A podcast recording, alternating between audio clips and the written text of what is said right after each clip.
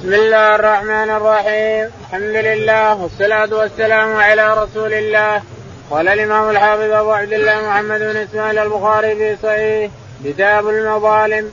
باب من كانت له مظلمة عند الرجل فحللها له. هل يبين مظلمته؟ قال رحمه الله دثنا آدم أبي دثنا ابن أبي ذئب. قال دثنا سعيد المقبري عن أبي هريرة رضي الله عنه قال قال رسول الله صلى الله عليه وسلم من كانت له مظلمة لأحد من عرضه أو شيء فليتحلل منه اليوم قبل أن لا يكون دينار ولا درهم. إن كان له عمل صالح أخذ منه بقدر مظلمته. وإن لم تكن له حسنات أخذ من سيئات صاحبه فحمل عليه. قال أبو عبد الله قال إسماعيل بن أبي أويس إنما سمي المقبري لأنه كان نزل ناحية المقابر قال أبو عبد الله وسعيد المقبري ومولى بني ليث. وهو سعيد بن أبي سعيد واسم أبي سعيد كيسان. بسم الله الرحمن الرحيم الحمد لله رب العالمين وصلى الله على نبينا محمد وعلى آله وصحبه أجمعين. يقول الإمام الحافظ أبو عبد الله محمد بن إسماعيل البخاري رحمه الله في صحيحه ونحن في كتاب كتاب المظالم والديون يقول رحمه الله باب من كانت له مظلمة عند الرجل باب من كانت له مظلمة أو مظلمة تقول مظلمة وتقول مظلمة. من كانت له مظلمة عند أحد فليتحلل منه في الدنيا قبل أن لا يكون دينار ولا درهم في الآخرة. لأنه في الآخرة لازم يطالب الإنسان بحقه. وحقوق العباد الله تعالى وتقدس ما يغفرها. حقوق العباد إن هذا له حق وهذا له حق وهذا له حق ما يغفرها تعالى وتقدس يغفر حقه. يغفر ما حصل بينك وبينه بين عبد يغفر كبائر يعني يغفر حتى الكبائر. إذا ما تاب منها يغفر قد يعفو عنها. لكن حقوق العباد ما يغفر منه شيء ولا يترك منه شيء. كل العباد فيما بينهم يتقاصون هذا يقول لي كذا على فلان وهذا يقول أنا لفلان إلى آخره. وكل يأخذ حقه إذا لم يتنازل عنه في الدنيا أخذه في الآخرة. نعم. قال حدثنا آدم بن. يقول البخاري رحمه الله حدثنا آدم بن أبي إياس قال حدثنا ابن أبي ذئب ابن أبي ذئب قال قال حدثنا سعيد المقبري. قال حدثنا سعيد المقبري يعني الصغير الولد. قال عن أبي هريرة. عن أبي هريرة رضي الله تعالى عنه أن النبي عليه الصلاة والسلام قال من كان له مظلمة لأحد من عرضه أو شيء فليتحلل منه قبل أن لا يكون يقول عليه الصلاة والسلام من كان له مظلمة عند أحد فليتحلل منه في الدنيا قبل أن لا يكون دينار ولا درهم يوم القيامة. ما في لا دينار ولا درهم. فيه أما أن يؤخذ من حسناتك ويعطى إياه أو يؤخذ من سيئات ويطرح عليك الإنسان أما حسناتك تؤخذ ويطرح على يعطى إياها. حسنات عملتها الإنسان وتعبت عليها وصليت وصمت وزكيت وعملت حسنات كثيرة ولكنك أسأت إلى الناس فكان في الناس يبون حقهم. أما في الدنيا ولا في الآخرة. فيأخذون حسناتك اللي عملت فيها وتعبت يأخذونها. وإذا لم يكن لك حسنات كثيرة وبقي أحد له حقوق اخذ من سيئاتهم وطرح عليك. قال أبو عبد الله قال إسماعيل بن أبي أويس إنما سمي المقبري لأنه كان يقول البخاري رحمه الله يقول إسماعيل بن أبي أويس يقول إنما سمي المقبري لأنه نزل عند المقابر. يعني الولد فسمي المقبري أما أبوه فهو كيسان اسمه كيسان وكلهم من الطبقة الثالثة وجميعهم تلاميذ لأبي هريرة رضي الله عنهم أجمعين. باب إذا حل له من ظلمه فلا رجوع فيه. قال رحمه الله دثنا محمد قال أخبرنا عبد الله قال أخبرنا هشام بن عروان ابي عائشة رضي الله عنها في قوله تعالى وإن امرأة خافت من بعلها نشوزا أو قالت الرجل يكون عنده المرأة ليس بمستكثر منها يريد أن يفارقها فتقول, فتقول أجعلك من شأني في خل فنزلت, فنزلت هذه الآية في ذلك. يقول البخاري رحمه الله باب إذا حلل من ظلم فلا رجوع. إذا حلل مسلم حلل مسلم فلا رجوع. لو حصل بعض التنازع ما هو وياه يقول أنا ما أسامحك حتى اللي مضى مضى اللي مضى خلاص راح. تنازل عنه ما يرجع خلاص. الهبة إذا وهبتها ما يمكن ترجع فيها. التنازل إذا تنازلت لأخيك ما يمكن ترجع. تنزلت بشيء سواء كان أمر من أمور الدنيا أو من أمور الآخرة ما يرجع خلاص. هذا الشاهد يقول رحمه الله حدثنا محمد. محمد قال حدثنا عبد الله. عبد الله قال حدثنا هشام بن عروة. هشام بن عروة عن ابيه عن ابيه عروة بن الزبير عن عائشة. عن عائشة رضي الله تعالى عنها نعم. في قوله تعالى وإن امرأة خافت من بعلها نشوزا في تفسير قوله تعالى وإن امرأة خافت من بعلها نشوزا أو إعراضا. نعم. قالت الرجل يكون عند المرأة ليس بمستكبر تقول معنى هذه الآية أو نزلت هذه الآية امرأة عند عند زوج عند رجل لكنه لا يريدها. وخافت أنه يطلقها فتنازل حقها. تقول انها تنازلت.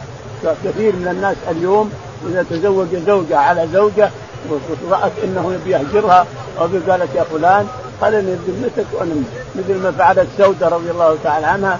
تنازلت ليومها عائشة. تنازلت عن يومها لعائشة رضي الله عنها.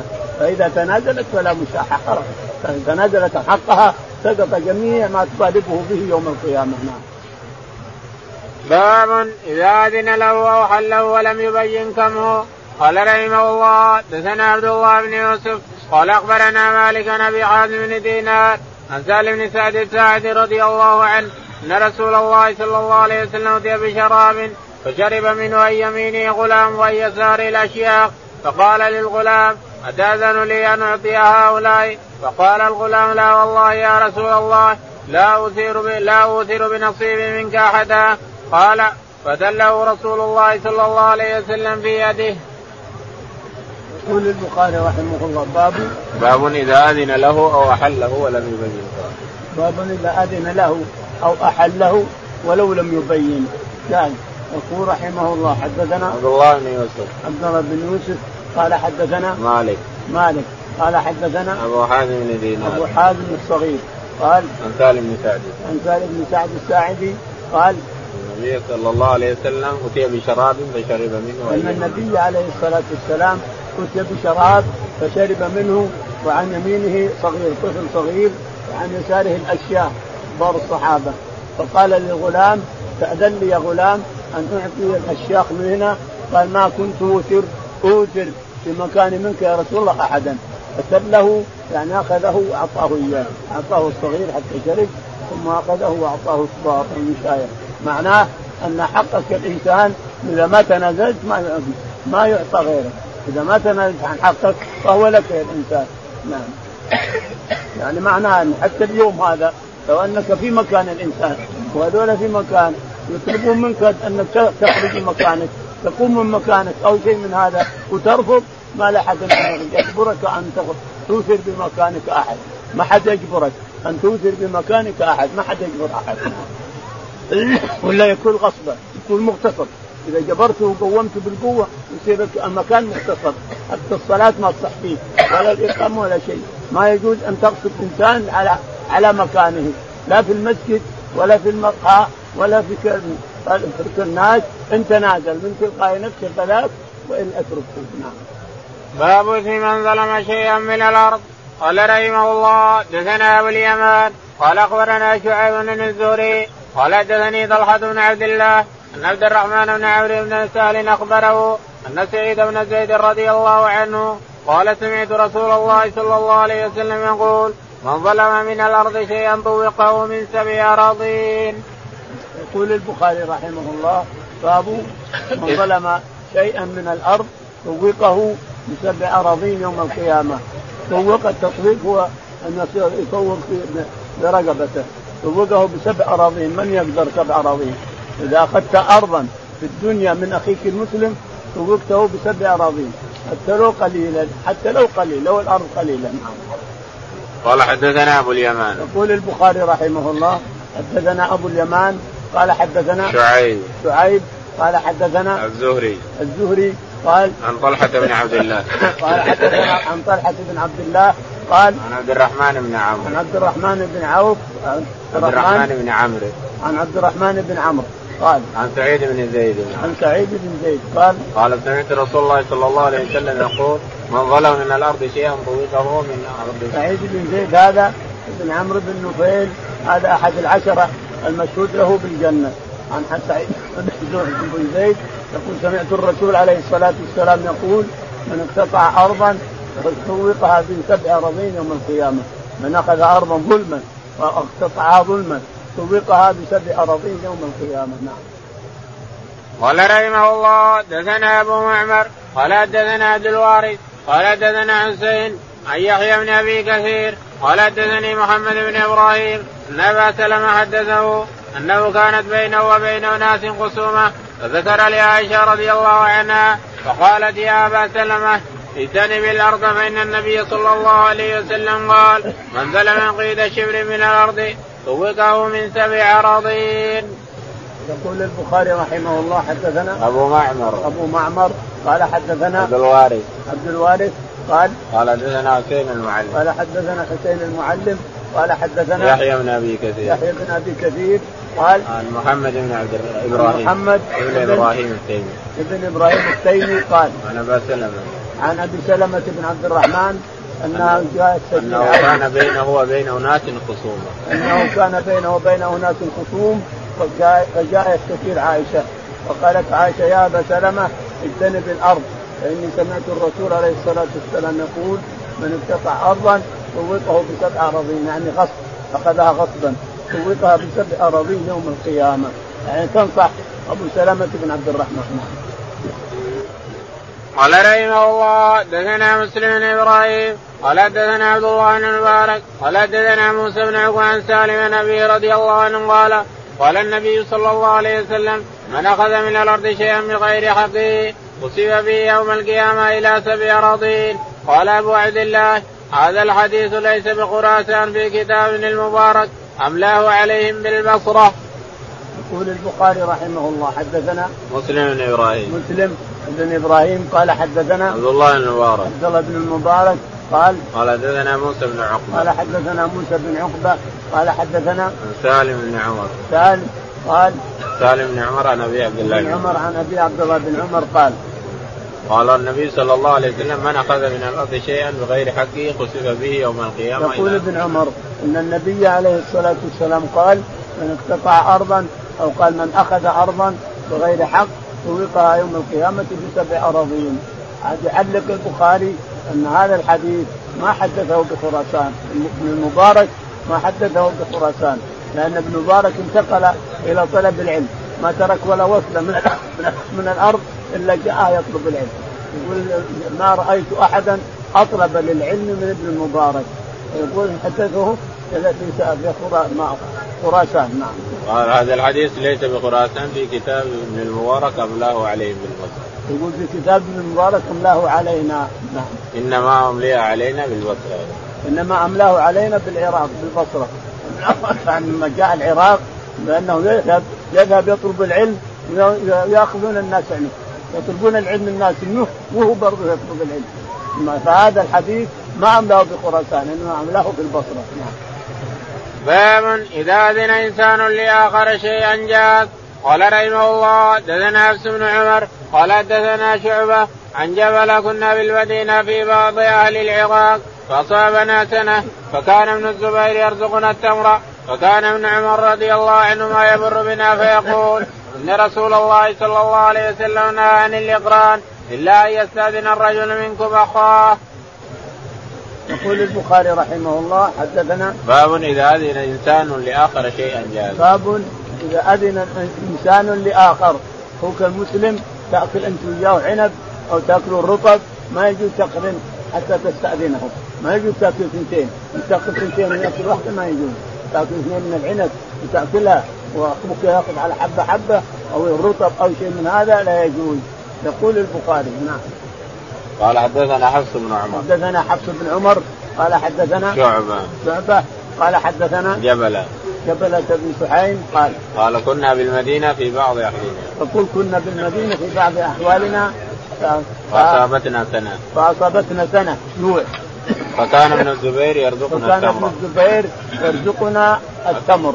مر بنا ابن عمر وحنا نأكل فقال لا إني سمعت الرسول عليه الصلاة والسلام يقول لا تقرن حتى تستأذن صاحبك إذا كنت مع قوم بعض بعض الناس صار جيعان يأخذ على اثنتين اثنتين سواء عنب أو تمر. فحدثهم ابن عمر أن الرسول نهى عن القرآن وهو أن تقرن تمرتين إلا بإذن صاحبه. استأذن يا فلان أنا جيعان باخذ على اثنين اثنين فإذا أذن فلا بأس بذلك. ولا لا يجوز تأخذ من حقه. حقه تأخذه. من حقك أن تأخذ على حبة حبة وهو حبة حبة. لكن إذا أذن فلا بأس. نعم. قال رحمه الله دثنا أبو النعمان قال دثنا أبو عوان عن الأعمش عن أبي وائل عن أبي مسعود رضي الله عنه أن رجلا من الأنصار يقال له أبو شعيب كان له غلام لحام فقال له أبو شعيب اثنى لي طعاما خمسة لعلي ادعو النبي صلى الله عليه وسلم خامس خمسة. وابصر في وجه النبي صلى الله عليه وسلم الجوع فدعاه فتبعه رجل لم يدعى فقال النبي صلى الله عليه وسلم إن هذا قد اتبعنا تاذن له. قال نعم. يقول البخاري رحمه الله حدثنا أبو النعمان. أبو النعمان عالم قال حدثنا أبو عوانة. أبو عوانة قال حدثنا الأعمش. الأعمش. قال عن أبي وائل. عن أبي وائل. قال حدثنا أبو مسعود البدري. أبو مسعود البدري قال أن رجلا من الأنصار يقال له أبو شعيب. أن رجلا من الأنصار يقال له أبو شعيب له غلام لحام يعني غلام مملوك له لكنه لحام يعني جزار. يطبخ يقدر ويبيع اللحم يبيع ني أو مطبوخ. يقول وقال لغلامه اصنع طعام لخمسة خمسة انفار بس اصنع طعام يكفي خمسة. فإني رأيت الجوع في وجه الرسول عليه الصلاة والسلام فصنع الغلام طعاما لخمسة ولكن تبعهم. ودعا الرسول عليه الصلاة والسلام فقد تبعهم شافوا يمشون وتبعهم. يمكن جيعان يمكن كذا. فلما وصلوا قال الرسول عليه الصلاة والسلام هذا تبعنا. ما هو معنا إحنا خمسة. وهذا تبعنا. أتأذن له؟ قال أذن له. معناه إن كل شيء لازم بإذن. كل شيء بالإذن. ما يمكن تدخل بيته إلا بإذنه. ما يمكن تأكل تمرة زيادة إلا بإذنه. شوف حقوق العباد حتى التمرة حتى العنب لازم بإذنه. والا فهو حق من حقوقه يطالبك به يوم القيامة. هذا تبعنا تأذن له يدخل قال نعم. هذا قال. نعم. باب قول الله تعالى وهو ألد الخصام. قال رحمه الله دثنا أبو عاصم عن ابن جريج عن ابن أبي مليكة أن عائشة رضي الله عنها عن النبي صلى الله عليه وسلم قال ان ابغض الرجال إلى الله الالد الخصم. يقول البخاري رحمه الله باب قول الله تعالى وهو ألد الخصام باب قول الله تعالى وهو ألد الخصام. يعني أنه دائما يحاكم بين الناس بالظلم دائما بالمحاكم نعوذ بالله بالظلم دائما يأخذ من هذا على هذا يعترض على هذا يجي هذا ويروح لهذا. في المحاكم. دائما يحاكم الناس. ما ما يخلو يوم من الأيام إلا وهو بالمحكمة يحاكم الناس على ظلم. ما ما شيء. لكن يروح يؤذي المسلمين. ألد الخصام يؤذي المسلمين. يقول البخاري حدثنا أبو عاصم. أبو عاصم. قال حدثنا ابن جريج. ابن جريج. قال حدثنا ابن أبي مليكة. ابن أبي مليكة. قال عن عائشة. عن عائشة رضي الله تعالى عنها أن النبي عليه الصلاة والسلام قال نعم إن أبغض الرجال إلى الله الالد إن أبغض الرجال إلى الله الالد الخصم. أبغض الرجال إلى الله الالد الخصم. اللدود الخصم. دائم في المحاكم. كثير من الناس اليوم نسأل الله السلامة والعافية. كثير من الناس يومنا هذا تجده كل مسلم فقير. يتقدم للمحكمة يبي ياخذ صك علشان يبني ارض يبني بيت أو شيء من هذا أو علشان يصير له فك الأرض تجد يجي على المحكمة للقاضي يقول أنا أنا الاعتراض أنا الاعتراض. عجيب لك اعتراض؟ قال أنا الاعتراض على هذه الأرض. وهو ما يدري وش الأرض الأرض ما يعرفها ولا يدري كثير من من عباد الله اليوم اليوم اللي آذى الناس وآذى المسلمين. فإذا اعترض أما أن الرجل يعطيه 200 ريال أو 300 ريال ويتنازل عن اعتراضه وإلا يتركوه يروح قاضي للأرض فإذا قال أين أرضك اللي تعترض فيها أنت يا شيخ؟ أين الأرض اللي تعترض؟ ما يدري وين. يقول له تنازل بالقوة. يجيبه بالعسكري تنازل بالقوة. ما دام تعترض بالكذب والبهتان على اخيك المسلم يلا تنازل. يتنازل حقه علشان لا يكون فيه اعتراضات الألد الخصم نعوذ بالله. نعم. باب اسم من قاسم في باطل وهو يعلمه قال رحمه الله دثنا عبد العزيز بن عبد الله قال حدثني ابو بن سعد عن صالح بن شهاب قال أخبرني عروة بن الزبير أن زينب بنت أم سلمة أخبرته ان امها أم سلمة رضي الله عنها زوج النبي صلى الله عليه وسلم أخبرتها عن رسول الله صلى الله عليه وسلم أنه سمع خصومة بباب حجرته فخرج إليهم فقال إنما أنا بشر وإنما يأتيني الخصم ولعل بعضكم أن يكون أبلغ من بعض فاحسب أنه صدق فأقضي له بذلك. فمن قضيت له بحق مسلم فإنما هي قطعة من النار فليأخذها أو فليتركها. يقول البخاري رحمه الله باب اسم من خاصم في باطل وهو يعلم. اسم من خاصم في باطل وهو يعلم أنه باطل. ما له حق في باطل يعلم أنه كذاب كاذب. نعوذ بالله مش عقوبته عند الله تعالى وتقدس. يقول البخاري حدثنا عبد العزيز بن عبد الله. عبد العزيز بن عبد الله قال حدثنا إبراهيم بن سعد. إبراهيم بن سعد قال حدثنا صالح بن كيسان. نعم. عن صالح بن صالح بن كيسان. عن ابن شهاب. عن ابن شهاب الزهري قال عن عروة عن زينب بنت أم سلمة. عن عروة عن زينب بنت أبي سلمة. قالت عن أمها أم سلمة. عن أم سلمة رضي الله عنها أن النبي عليه الصلاة والسلام سمع خصومة خارج البيت. فخرج عليهم قال لهم إنما أنا بشر. قد أقضي للإنسان؟ ما أدري. بشر. ما أدري حق هذا ولا حق هذا. فلعل بعضكم يكون ألحن من بعض. إنسان عنده منطق وعنده كلام ويقول لا لا لا لا لا. وهذا مسكين ما يقدر يبين عن حقه. وهو صاحب الحق. لكن ما عنده كلام ولا يقدر يبين يستحي. فلعله يكون بعضكم ألحن من بعض. ومن قضيت له من أخيه بحق فإنما أقضي له قطعة من جهنم. أقضي له قطعة من جهنم. لأن الرسول بشر عليه الصلاة والسلام ولا يعلم الغيب. فيجي إنسان طلق اللسان يتكلم يفرفد وهذا يستحي ولا يقدر يتكلم. فيقضي هذا علشان فصيح يعطي يأخذ حق هذا يعطي هذا. أنا بشر. وما أعطيته من حق اخيه ولو قطعة ولو عود من أراض فإنما أقطع له من نار جهنم. فليأخذ أو يدع باب إذا خاصم فجر. قال رحمه الله دثنا بشر بن خالد. قال أخبرنا محمد بن شعبة سليمان عن عبد الله بن مرة عن مسروق عن عبد الله بن عمرو رضي الله عنهما للنبي صلى الله عليه وسلم قال أربع من كن فيه كان منافقا أو كانت فيه خصلة من أربعة كانت فيه خصلة من النفاق حتى يدعها إذا حدث كذب وإذا وعد أخلف وإذا عاهد غدر وإذا خاصم فجر. يقول البخاري رحمه الله باب إذا خاصم فجر. باب إذا خاصم فجر. يعني كثير من الناس إذا خاصم فجر فهو في خصلة من خصال النفاق نعوذ بالله. من كانت في خصلة من خصال النفاق فهو منافق. حدثنا بشر بن خالد. بشر بن خالد قال حدثنا محمد بن جعفر. محمد بن جعفر قال حدثنا شعبة. شعبة قال عن الأعمش عن الأعمش قال حدثنا عبد الله بن مرة عبد الله بن مرة قال عن مسروق. عن مسروق الأجدع قال. عن عبد الله بن عمرو بن العاص. عن عبد الله بن عمرو بن العاص أن النبي عليه الصلاة والسلام قال نعم. قال أربع من كنا فيه كان منافقا. يقول عبد الله بن عمر بن عمرو يقول النبي عليه الصلاة والسلام أربع من كنا فيه كان منافقا ومن كان فيه خصلة منها كان فيه خصلة من النفاق نعوذ بالله. حتى يدعها حتى يدعها حتى يتركها يتوب إلى الله ويدعها. إذا حدث كذب إذا حدث كذب نعوذ بالله. وإذا عاهد غدر. وعد خ... وإذا وعد أخلف وإذا عاهد غدر. غدر. وإذا خاصم فجر. وإذا خاصم فجر. هذا الشاهد. إذا خاصم فجر يخاصم يكذب. يصير كذاب ما عنده ما عنده شيء. ما عنده تمسك بما يخاصم فيه. إذا حدث كذب وإذا وعد أخلف وإذا عاهد غدر وإذا خاصم فجر نعوذ بالله.